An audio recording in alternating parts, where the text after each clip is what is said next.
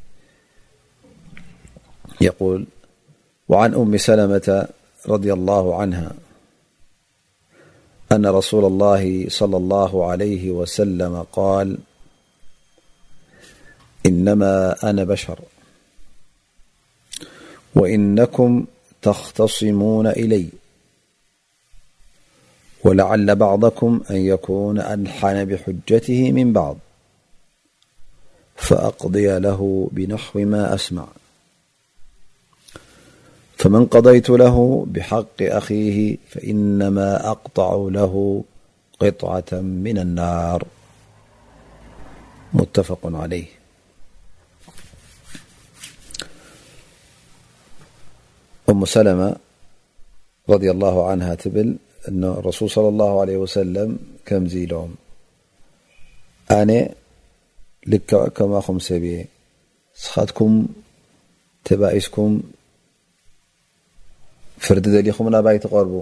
ምናልባሽ እውን ገለ ካባኻትኩም ኣብ ክትዑ ዝያዳ ክእለት ዘለዎ ክኸውን ይኽእል እሞ ኣነ ክፈርድ እንከለኹ በቲ ዝሰማዕክዎ እየ ዝፈርድ ስለዚ እንተ ደኣ ሓደ ካባኻትኩም ብዘይናቱ ወይ ከዓ ናይ ሓዉ እንተደኣ ሂበዮ ክጥንቀቕ ኣለዎ እቲ ዝወስዶ ዘሎ ቁራፅ ናይ እሳት እዩ ኢሎም እነቢይ ለ ላ ለ ወሰለም እዚ ጠመንታ ሕፅር ዝበለ ትርጉም ናይታ ሓዲስ ትኸውን እንሻ ላ ኣብቲ ትንተና ንኣቱ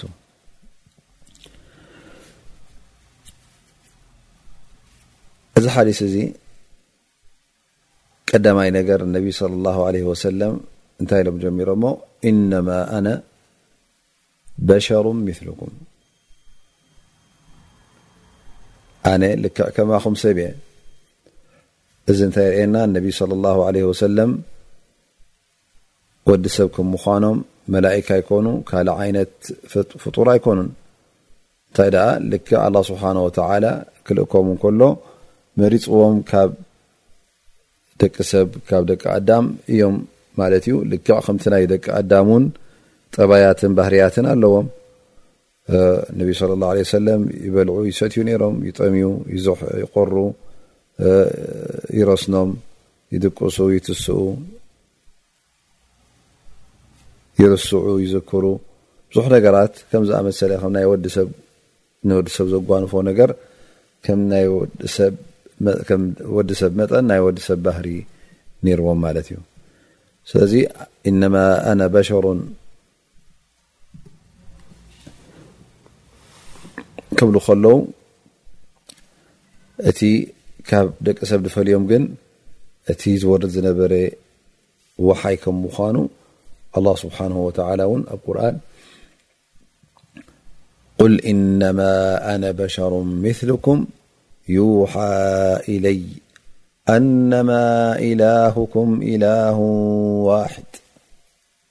ከምዚ ኢልካ እውን ኣብርሂኻ ኢሎሞ ነይሮም እቲ ቁል እነማ ኣነ በሸሩ ምሉኩም ኣነ ልክዕ ከማኹም ሰብ እየ ላኪን ኣላ ስብሓን ወተዓላ ውሓይ የውርደለይ እቲ ጎይታኹም ድማ ሓደ ጎይታ እዩ ስለዚ ነቢይ ስለ ላሁ ለ ወሰለም ጎይታ ኣይኮኑን ግን ልኡኽ ጎይታ እዮም ኣላ ስብሓን ወተዓላ ዝመረፆም ዝለኣኹም እዩ ስለዚ እቲ ቐንዲ ዝጠቃምን ጎዳእን ኣላ ስብሓን ወተዓላ እነቢ ስለ ላ ለ ሰለም ግን ሰብ ከማና ከም ምዃኖም እዚ ነገር እዚ እውን የርእዩን ኣለዉ ማለት እዩ ስለዚ ዝኾነ ይኹን እስላማይ ሸሃደት ኣን ላኢላ ኢላ ላ ኣነ ሙሓመድ ረሱላ ዝሓዘ እታ ሸሃዳ ናቱ ጎይታ ኣላ ስብሓን ወተላ ከም ምዃኑ እነቢ ሰለላሁ ዓለይሂ ወሰለም እውን ልኡኽ ጎይታ ከም ምዃኖም እሳ እታ ቀንዲ ናይ ኢማን መብርሂት ናይ ወዲ ሰብ ናይ እስላማይ ኢማን ማለት እዩ እሞ ኣብዚ ሓዲስ እዝን ኣብቲ ሸሃዳና እንተ ርእናዮ እቲ ኣላ ስብሓን ወተላ በይኖም በይኑ ኣላ ስብሓን ወተላ እነቢ ስ ሰለም እውን ካልእ እዮም ማለት እዩ ስለዚ እቲ ንኣላ ስብሓን ወተላ ዝወሃብ ኣምልኾት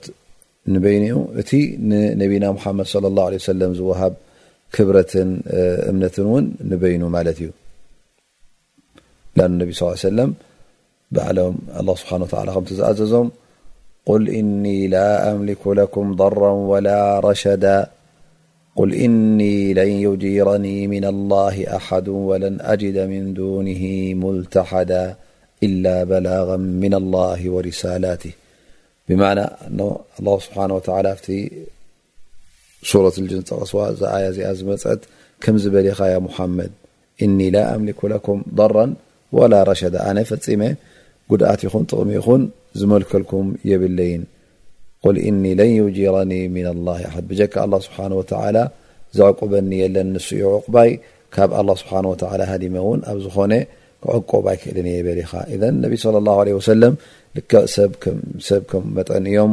ወዲ ሰብ እዮም እሞ እቲ ናይ ኣላህ ስብሓን ወተዓላ ወይ ከዓ ናይ ፈጣሪ ባህሪ የብሎምን ማለት ሲ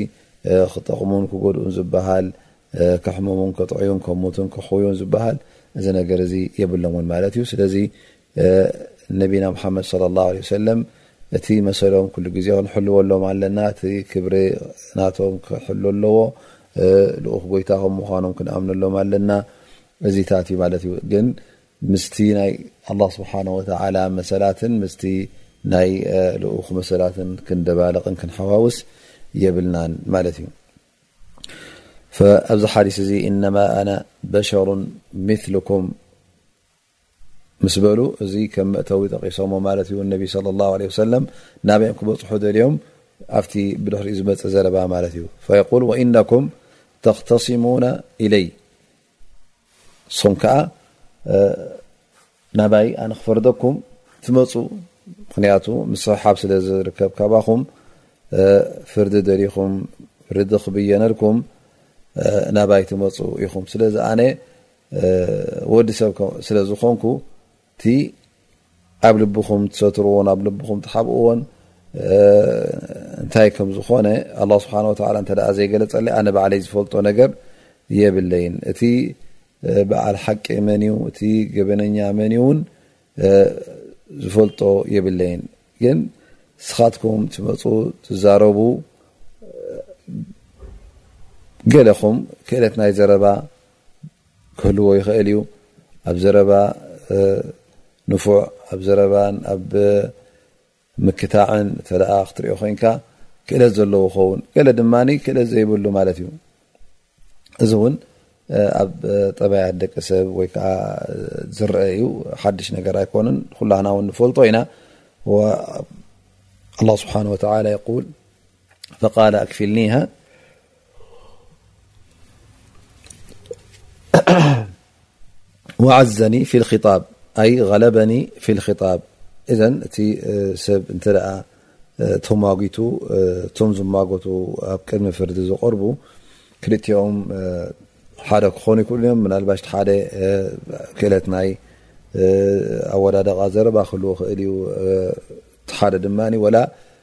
በዓል ሓቂ እንከሎ በዓል መሰል እንከሎ ሰኣን ክእለት ዘረባ ውን ብዙሕ ነገር ይተርፎ ማለት እዩ ምክንያቱ እንተ ነቲ ጉዳይካ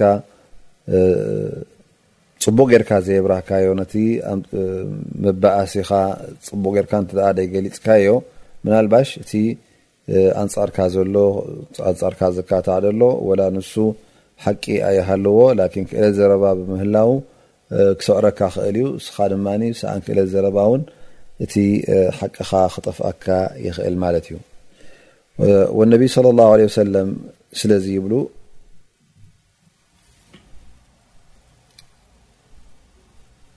ወኢነማ ኣቅዲ ብናሕዊ ማ ኣስማዕ ወኢነማ ኣቅዲ ቢናሕዊ ማ ኣስማዕ ኣነ ክፈርድ እንከለኹ ክብይን እንከለኹ በቲ ዝሰማዕክዎ እየ ዝፈርድ ከለ መፅኡ ከምዝን ከምዝን ኢሉ ኣነ ከምዝን ከምዝን እውደ ኢሉ እቲ ሓደ ድማ ኣይእውደንን እዩ ወይ ከዓ እወ ክብል እዩ በቲ ዝሰምዖ ዘለኹ ከዓ በቲ መሰኻኽር ዝተዛረብዎ ብኡ እየ ዝፈርድ ይብሉ እነቢ ስለ ላሁ ለ ወሰለም እዚ ሕጂ እውን እንታይ ይበልና ማለት እዩ ነቶም ፈረድቲ ነቶም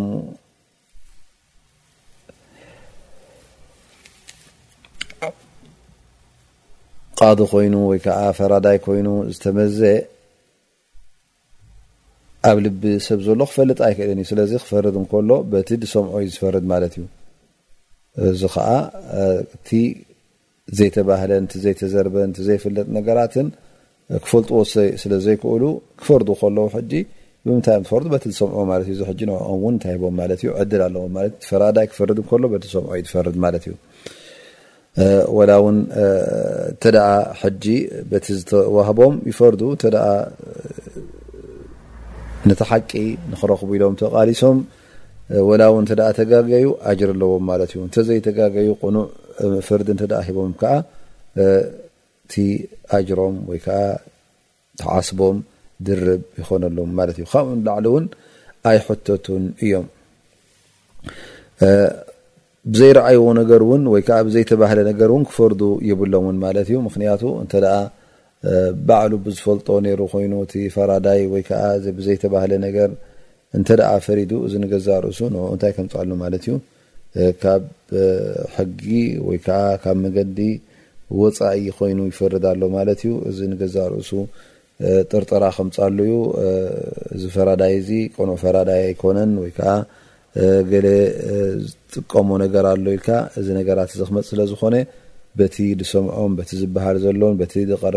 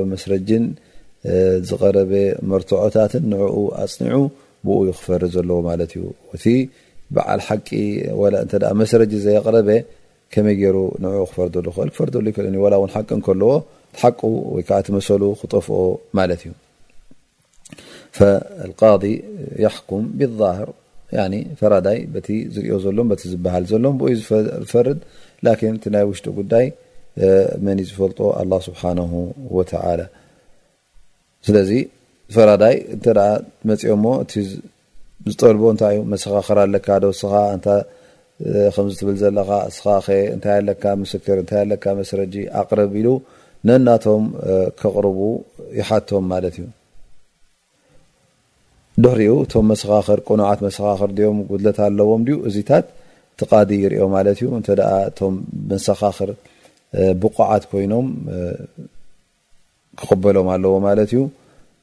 ምኽንያቱ እቲ ምስክር ክቐርብ እንከሎ ብምስክር ኢኻ ኩሉ ግዜ ኣብ እቲ ሸርዒ ወይ ከዓ ኣብ ፍርዲ ነቲ ጉዳይ ተረጋግፆ ማለት እዩ ምክንያቱ እቲ ቃዲ እቲ ፈራዳይ ኩሉ ነገር ባዕሎ ክውዕሎ ኣይኮነን ማለት እቲ ዝግበር እቲ ዘባእስ ዘሎ ከመይ ገይሩ ባዕሉ ዝወዓሎን ባዕሉ ዝረኣዮን የብሉን ኣብ ምንታይ ዝምርኮስ ኣብቲ ዝቐረበ ናይ ጥርዓን ሪኡ እቶም መሰኻኽር ከ እንታይ ይብሉ እንታይ ሰሚዖም እንታይ ሪኦም እንታይ ዓይነት መስረጂ ከሎ ነዚታት ተመራሚሩ ኣብ መጨረሻ ፍርዲ ይህብ ማለት እዩ ስለዚ እዚ እቲ ናቱ ክእለት ከምዚ ገይሩ እውን ክፈርድ ኣለዎ ማለት እዩ ወነቢ ስ ሰለም ንገዛእ ርእሶም ባዕሎም ኢነማ ኣቅዲ ብናሕዊ ማ ኣስማዕ ነቢ ስ ሰለም ኡስዋ ናህና ወይ ከዓ ኣብነት ስለ ዝኾኑ ኣላ ስብሓን ወተዓላ ምበየነሎም ነይሩ መርኣዮም ነይሩ መኒቲ ብጌጋን መኒቲ ኣብ ሓቅን ዘሎ ዋሓይ ገይሩ ኣላ ስብሓን ወተዓላ ነቶም ዝተባእሱ መን ከም ዝተጋገየ ምነተነገሮም ነይሩ ላኪን ነቢይ ስለ ላሁ ለ ወሰለም እቲ ዲን ብድሕሪኦም ክተርፍ ስለ ዝኾነ እሞ ኸኣ እቶም ብድሕሪኦም ዝመጹ ንፍርዲ ዝበቑ ኣንብያ ኣይክኾኑን እዮም እንታይ ደኣ ተራ ሰብ እዮም ክኾኑ ፍልጠትን ዕልምን ዘለዎም እዮም ስለዚ ኣብነትና ነቢ ስ ሰለም ስለ ዝኾኑ ከመይ ገይሮም ይፈርዱ ነይሮም ነቢ ስ ሰለም ኢልካ ናብዚ ጉዳይ እዚ ክትርኢ ስለ ዘለካ ኢዘን ኣላህ ስብሓን ወተዓላ ነቢና ሙሓመድ ነቲ ፍርዲ ክፈርድዎ ከለዉ በቲ ዝሰምዑዎ ገይሮም በቲ ዝሰምዑዎን በቲ ዝተዋህበ ዝቐረበ መስረጅን ዝቐረበ መርትዖም ብኡ ገይሮም ፈርዱ ነይሮም ማለት እዩ ብኡ ከም ዝፈርድዎ እንተኣዚዞም ስለዚ እዚ ኣብነትካ ስለ ዝኾነ ኣንታ ፈራዳይ ልክዕ ከምቲ ናይ ነቢና ሙሓመድ ለ ላ ለ ወሰለም ፍርዲ ጌርካ ትፈርድ ማለት እዩ ላኪን ኣብዚ ክንረጋግፆ ዘለና ከምቲ ነቢ ስለ ላ ሰለም ዘጠንቀቕዎ እንታይ ኢሎም ማለት እዩ እንተ ሓደ ሰብ ክፈርዶ ከለኹ ዘይናቱ እተ ሂበዮ ናይ ሓዉ እተ ኣው ሂበዮ ይብሉ ነቢ ስ ሰለም ቃል ፈመን ቀደይቱ ለ ብሓቂ ኣኺ ፈኢነማ ኣቅጣዑ ለ ቅጣዓተ ምና ናር ስለዚ እቲ ፍርዲ ናይ ፈራዳይሲ ነቲ ሓቂ ቅኑዕ ንቕኑዕ ሓቂ ክገብሮ ኣይክእልን እዩ ንኣብነት ፈራዳይ በቲ ዝተዋሃቦ መስረጅን ዝተዋሃቦ መርትዖታትን ብኡ ሓደ ውሳነ ወሲዱ እንተ ፈሪድዋ እሞ እታ ዝፈረዳ ፍርዲ ጌጋ እንተ ነራ ኮይና እስኻ እንታ ተፈረደልካ እናፈለጥካ ከለኻ ጌጋ ተፈሪዱ ከሎ እባ ኸላስ ኣነ ፈራዳይ ፈሪዱለ እዩ ሓላለይ ኮይናህኒ ክትብል የብልካን ሓላል ኣይገብርን እዩ ዝፍርዲ እዚ ንሓራም ሓላል ንሓላል ሓራም ኣይገብሮን እዩ። ዘይ መሰልካን ዘይ ሓቅኻን ዝነበረ ፈራዳይ ሓቅኻን መሰልካን ኣይክኸውንን እዩ። እሱ እቲ ፈራዳይ ክፈርድ እንከሎ በቲ ዝረኣዮን በቲ ዝረኸቦን በቲ ዝረኸቦ መስረጅታትን ብኡይ ዝፈርድ ዘሎ ማለት እዩ። እሞ ብሰንኪ ገለገለ ጉድለት ናይቲ ዝቐረበ ጥርዓንን ናይቲ ዝነበረ መስረጅን ምስክርን ብኡ ጉድለት ተረኺቡ እንተ ጌጋ ፈሪዱ እቲ ጌጋ ቅኑዕ ኣይክኸውንን እዩ ስለዚ ክትጥንቀቕ ኣለካ ዘይናትካ ከም ምዃኑ እና ፈለጥካ ፈረዳይ ፈሪዱለ ኢልካ ክትቅበሎን ክትወስዶን የብልካን እዚ ነገር እዚ ሓላል ኣይክኸውንን እዩ። ካብቲ ዑለማእ ዝጠቐስዎ ኣብዚ ሓዲስ እዚ ኣገዳሲ ዘሎ ብዛዕባ ናይ ፈራዳይ በቲ ንሱ ዝፈልጦ ክፈርድ ይፍቀዶ ዶ ማለት ሓንቲ ጉዳይ ኣላ እሞ ቀሪባ ኣብ ቅድሚኡ እናረኣያ ከሎ እቲ መስረጅታት መሰኻኽር እናቐረበ ከሎ ብኡ ዲ ክፈርድ ዘለውስ ወይስ ባዕሉ ንሱ ዝፈልጦ ነገር ኣለዎ ኮይኑ እሞ በቲ ዝፈልጦ ክፈርድ ይኽእል ዶ ማለት ሶም ዘይፈልጡ ቶም መሰኻኽር ገለመታት እሱ ይፈልጦ ነይሩ ኮይኑ ብቀደም ሞብኡ ክፈርዶ ይኽእል ጠብ ዕለማ ኣብዚ ዝተፈላለየ መልሲ ሂቦም እዮም ላኪን እቲ ራጅሕ ወይ ከኣ እቲ ዝያዳ ብሉጽ ዝኾነ ርእይቶ ናይቶም ዑለማእ በቲ ዝፈልጦ ገይሩ ክፈርድ የብሉን እዮም ዝብሉ ገሊኦም ከኣ ያላ ይፈርድ እዩ ገሊኦም ድማ ነዚ ነገር እዚ ሓደ ዓይነት መልሲ ይሃብሉን ማለት እዩ ላኪን በቲ ዝፈልጦ ኣንቲ ቁኑዕ በቲ ዝፈልጦ ገሩ ወይ ከኣ በቲ ንሱ ዝፈልጦ ገሩ ክፈርድ የብሉን ምኽንያቱ እዚ ነገር ንገዛእ ርእሱ ነቲ ዝፍረድ ዘሎ ሽታ ከምጻሉ ማለት እዩ ከጥርጠራ ከምጻሉ ስለምንታይ ካበይ ኣምጺእካ ኢኻ ከምዚ ትብል ዘለኻ እንተ ኢልዎ ኣነ ባዕለ ይፈልጦ እንተ ኢሉ እሞ ካልእ ሽግር ከምጽእ ስለ ዝኽእል ምስቲ ሓደ ተሰማሚዑ እዩ ገይርዎ ወይ ከዓ ከምዚታት ንኸይበሃል ክጥንቀቕ ኣለዎ ማለት እዩ። ስለዚ በቲ ዝቐረበ መስረጅን ዝቐረበ መርትዖታትን ብኡሪኡ እዩ ክፈርድ ዘለዎ ማለት እዩ።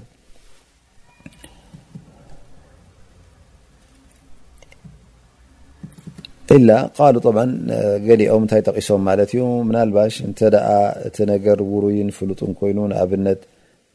ሓንቲ ቦታ ሓንቲ ንብረት ናይ እከለ ከም ምዃና ውሪትን ፍልጥትን እንተደኣ ኮይና ንሱ ይፈልጣ ካልእ እቲ ዓዲ ብኹሉ ይፈልጣ እንተደኣ ኮይኑ እዚ ሕጂ ይብሉ ኣብዚ ምናልባሽ ፍሉጥ ስለ ዝኾነ እቲ ጉዳይ ውሩይ ኩሉ ሰብ ዝፈልጦ ስለ ዝኾነ እንተደኣ በቲ ንሱ ዝፈልጦ ኣብዚ ነገር እዚ ፈሪዱ ደሓን ይብሉ ለኣኑ እዚ ነገር እዚ ሓድሽ ነገር ኣይኮነን ወይ ከዓ ስቱር ነገር ኣይኮነን ካበይ የምፅእዎ እዩ ንሱ ዝብል ነገር የለን ስለዚ ቱህማ ስለዘየለ ጠርጠራ ስለዘየለ እንተፈረደ ደሓን እዩ ይብሉ ማለት እዩ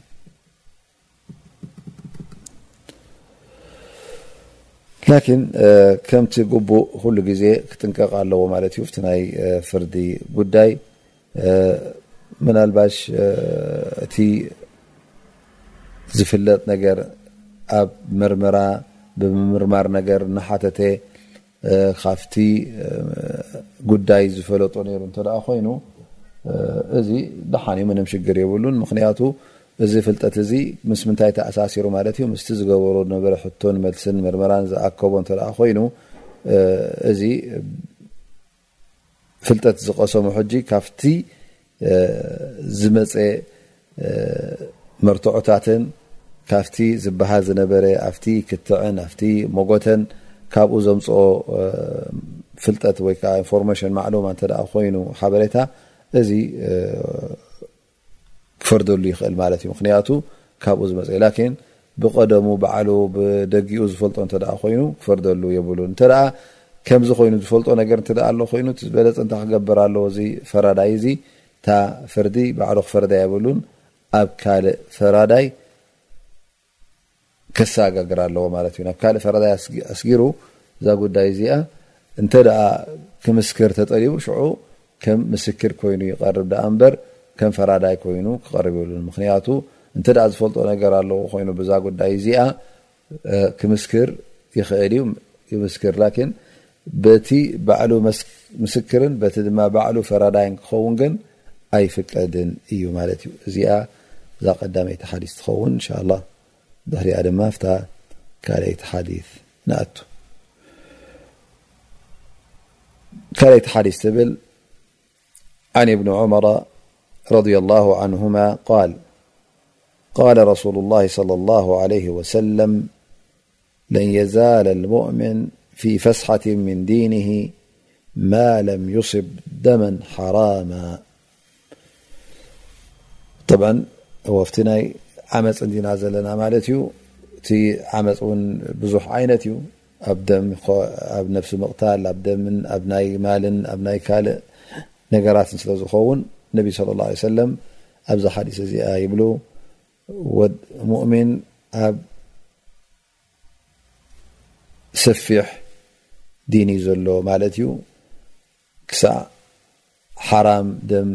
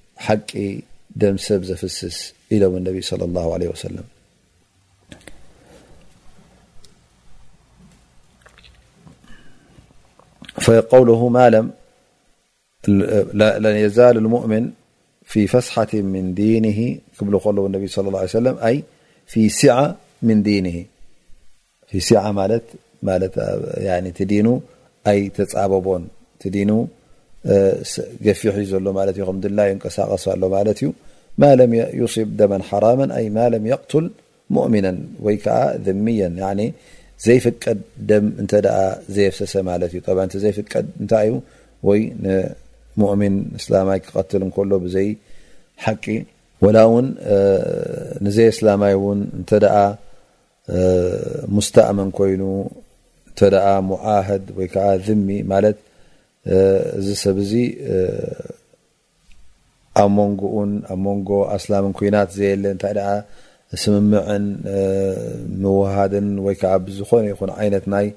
ስምምዕ እንተ ኣሎ ኮይኑ ክቕተል ኣይፍቀድን ላኪን ቶም ኣብ ሞንጎኻን ኣብ ሞንጎኦም እንተ ኩናት ኣሎ ኮይኑ ምቅታል ኣሎ እንተ ኮይኑ እዚ ውፁእ ይኸውን ማለት እዩ ፈ እዚ ዓይነታት እዚ ደም ክፈስስ ዘይብሉ ዓይነት ዘይፍቀድ ንክትቀትሎ እንተ ደኣ ቀቲሉ እዚ ጠብዓ እንታይ ይኸውን ማለት እዩ? ቃል ዩደይቅ ዓለይሂ ዲነሁ እቲ ሰፊሕ ዝነበረ ዲን ይፀቦ ማለት እዩ። ቂል ከመይ ማለት እዩ? እኑ ነዚ ሓራም እዚ እንተ ፈፂሙስ ልቡ እናፀበቦ እዩ ዝኸይድ።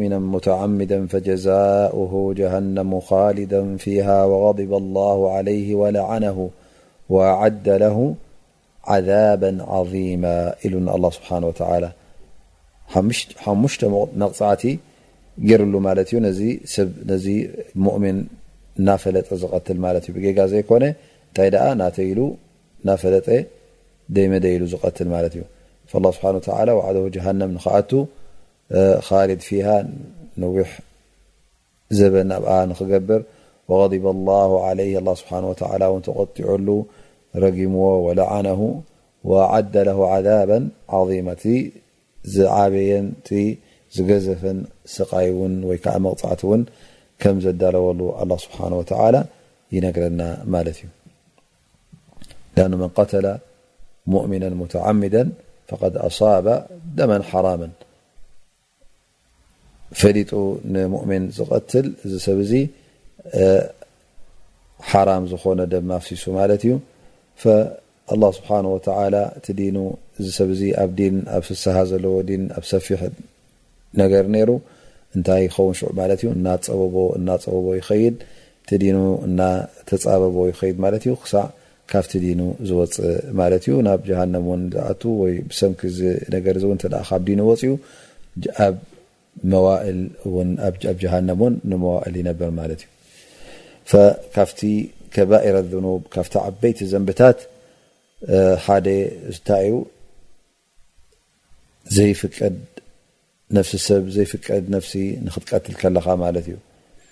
እተ ድፍቀድ ኮይኑ እተ ብሸሪዓዊ መንገዲ እተ ቀትልካዮ እዚ ምንም ሽግር የብሉ ማለት እዩ ምክንያቱ ወላ ውን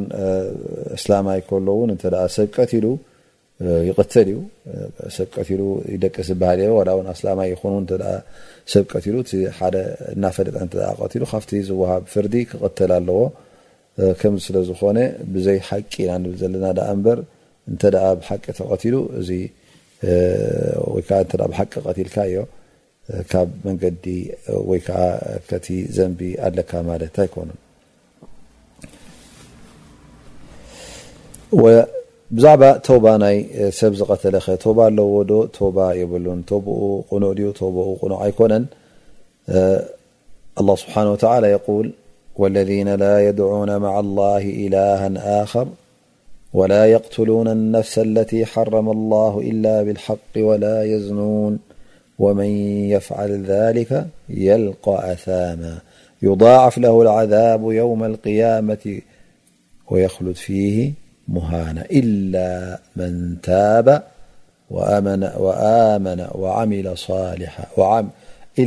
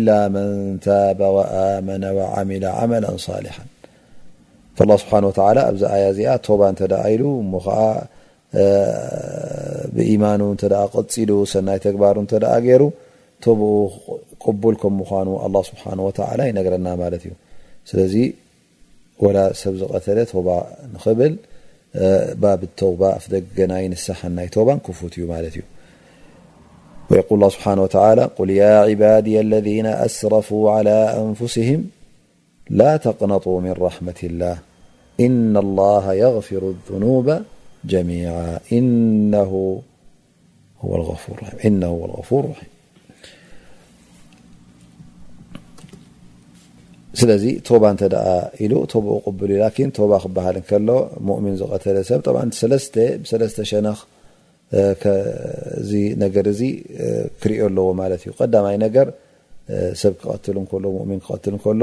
ናይ ኣላ ስብሓን ወተላ መሰል ኣሎ ማለት እዩ እሱ ከዓ ኣላ ስብሓን ወተላ ዝሓገጎን ዝወሰኖን ውሳኔ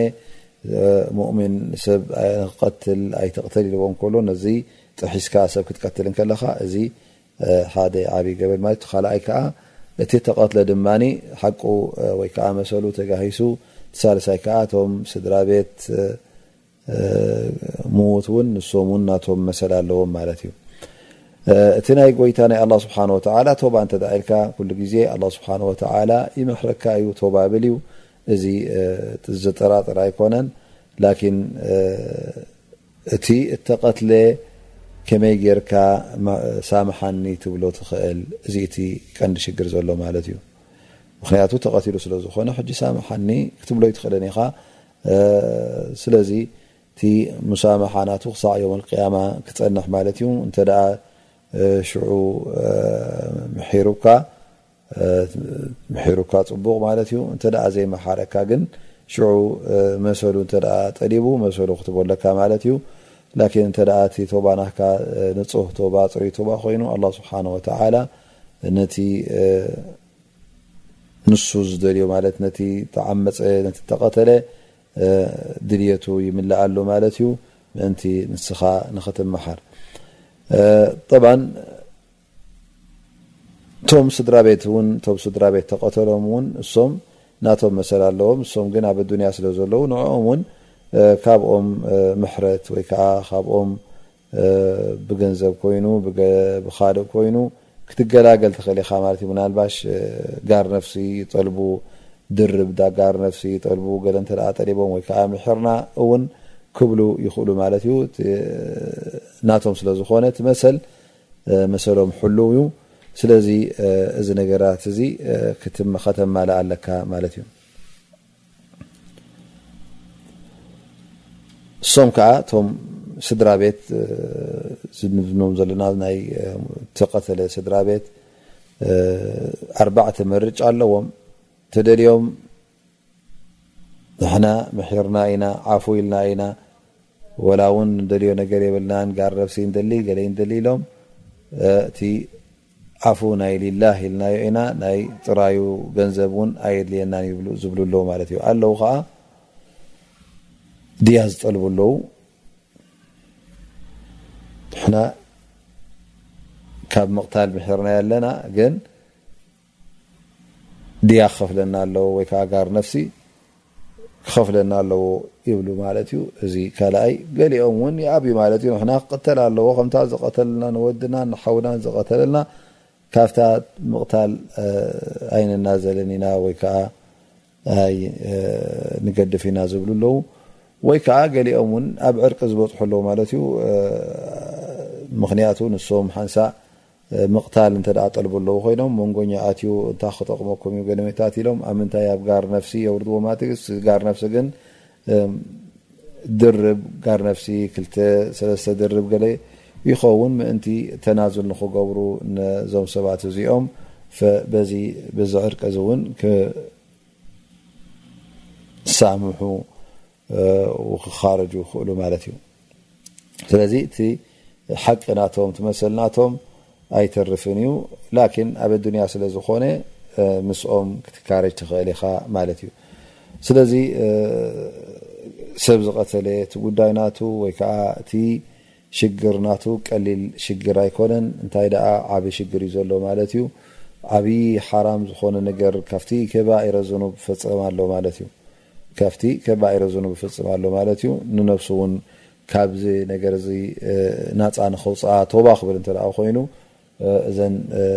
ሰለስተ ሸነኻት ዘለወአን ነገር ንዐን ከጻር ኣለዎ ማለት እዩ። ቶባ ምስ ኣላህ ንኣላህ ስብሓነሁ ወተዓላ ካብ ኣላህ ምሕረት ክሓትት ኣለዎ። ካብቶም ቀተል ካብቶም ስድራ ቤት ቅቱል ክሓትት ኣለዎ። እቲ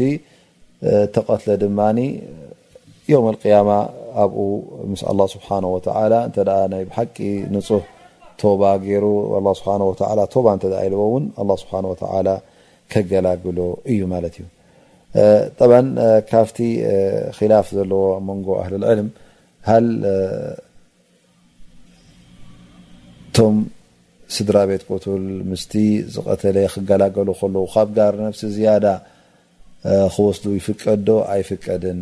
ናብ ንገለ ገለ ሰባት ሕጂ ይባልቑ ማለት እዩ እንተ ጋር ነፍሲ ሚእቲ ሽሕ ክልተ ሚእቲ ሽሕ ኮይኑ ላላ ንሕና ሚልዮን ኢና ንደሪ ፍርቂ ምርዮም ክልተ ሰለስተ ሚልዮን ኢና ዝብሉ ኣለዉ ማለት እዩ ሃል እዚስ ይፍቀድ ዶ ኣይፍቀድን ጠብዓ ዑለማ ኣብ ክልተ ርእቶ ተራ ኣቢሎም ማለት እዩ ገሊኦም ኣይፍቀድን እዩ ዝበሉ ኣለዉ ማለት እዩ ገሊኦም ከዓ ከም ልኢማም ኣሕመድ ብን ሓንበል ይፍቀድ ኢሎም ማለት እዩ ምክንያቱ እዚ ነገር እዚ ናቶም ሓቅን ናቶም መሰልን ስለ ዝኾነ እንተ እቲ መሰሎም ወይ ከዓ እቲ ሓቆም ተናዙል ክገብሩ ክገድፍዎ እንተ ኮይኖም በቲ ንሶም ዝረድዎ ጌርካ ከተፋንዎም ኣለካ ማለት እንተ ዘይረደዩ እንተ ዘይተቐበሉ ናቶም ጉዳይ ስለ ዝኾነ ናቶም መሰል ስለ ዝኾነ መሰሎም ሕሉው እዩ ይብል ማለት እዩ።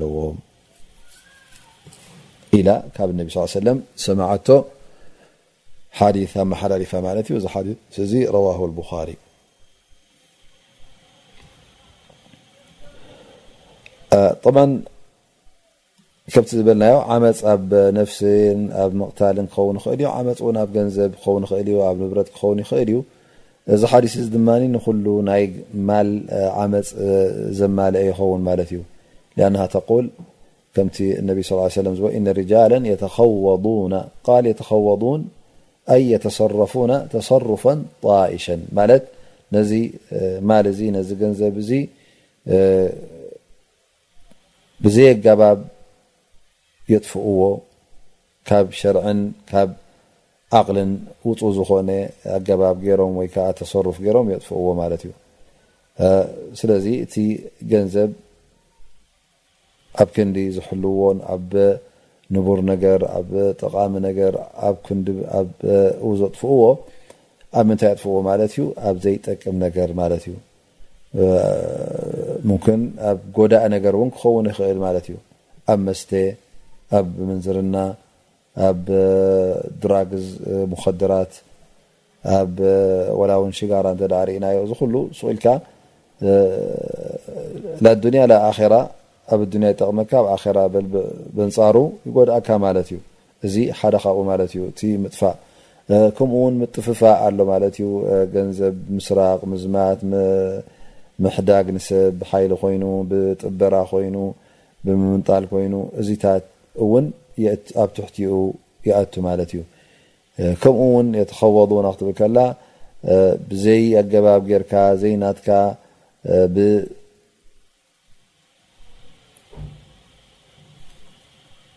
ወላ ውን ብቤት ፍርዲ ጌርካ ኮይኑ ወይ ከዓ ዘይናትካ ናተይ ኢልካ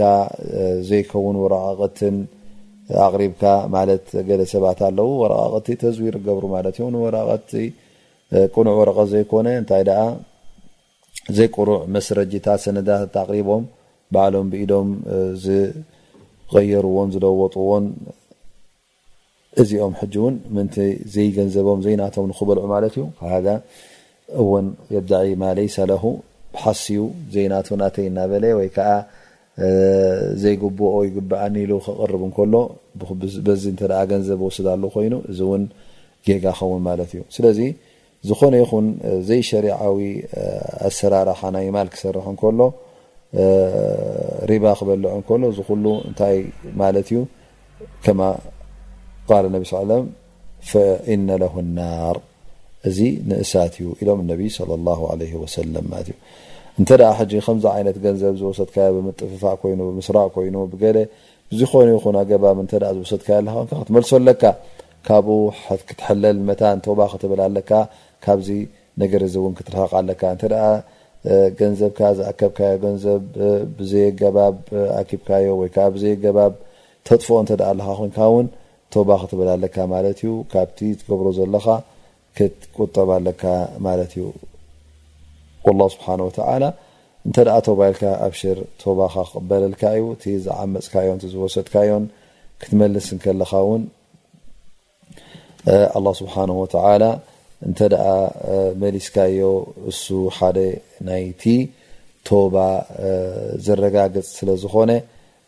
እንተ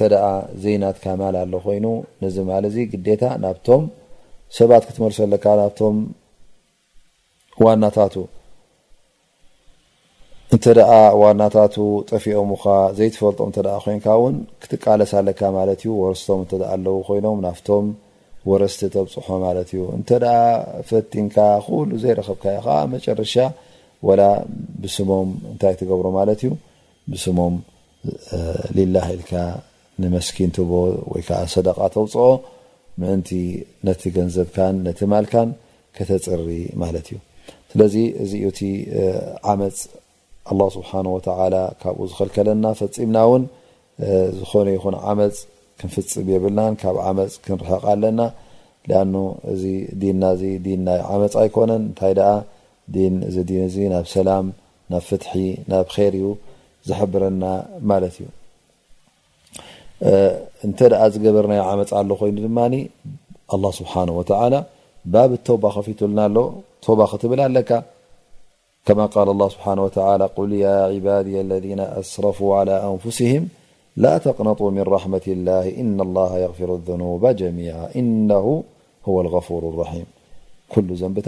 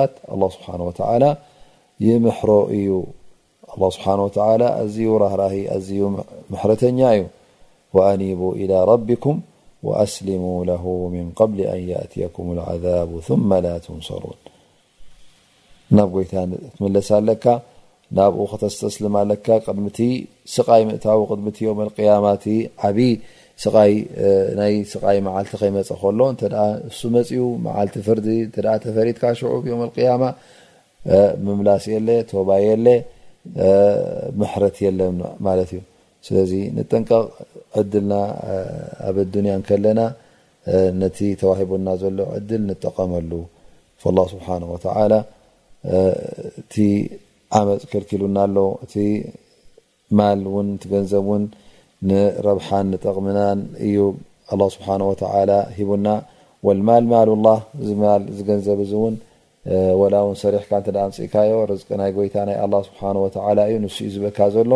ስለዚ ኣብ ከተጥፍኦ ከለኻ ኣብቲ ዝኣዘዘካ ከምቲ ዝኣዘዘካ ጌርካ ከተጥፍኦ ኣለካ ማለት እዩ ድላይካ ኣነ ገንዘበይ እንድዩ ድላይ እየ ዝገብር ዝበሃል የለን ኣላህ ስብሓን ወተዓላ እዚ ገንዘብ ኣብ የውም ኣልቅያማ መጀመርያ ትሕተተሉ እቲ ገንዘብ ካበይ ኣምጺእካዮ ናብ ምንታይከ ኣጥፊእካዮ ስለዚ ንክመጽእ እንተ ኮይኑ እዚ ማል ትኸስቦ ከለኻ ኣገባብ ኣለዎ ሸሪዓዊ መንገዲ ብኡ ጌርካ ትቕበሎ ከተውጽኦ ከለኻ እውን ከምኡ ሸሪዓዊ ኣለዎ ማለት እዩ ረቢ ዝፈትዎን ረቢ ዝሓገጎን ኣሎ ከምኡ ጌርካ ተውጽኦ ስለዚ ክትከስቦ ብሕጊ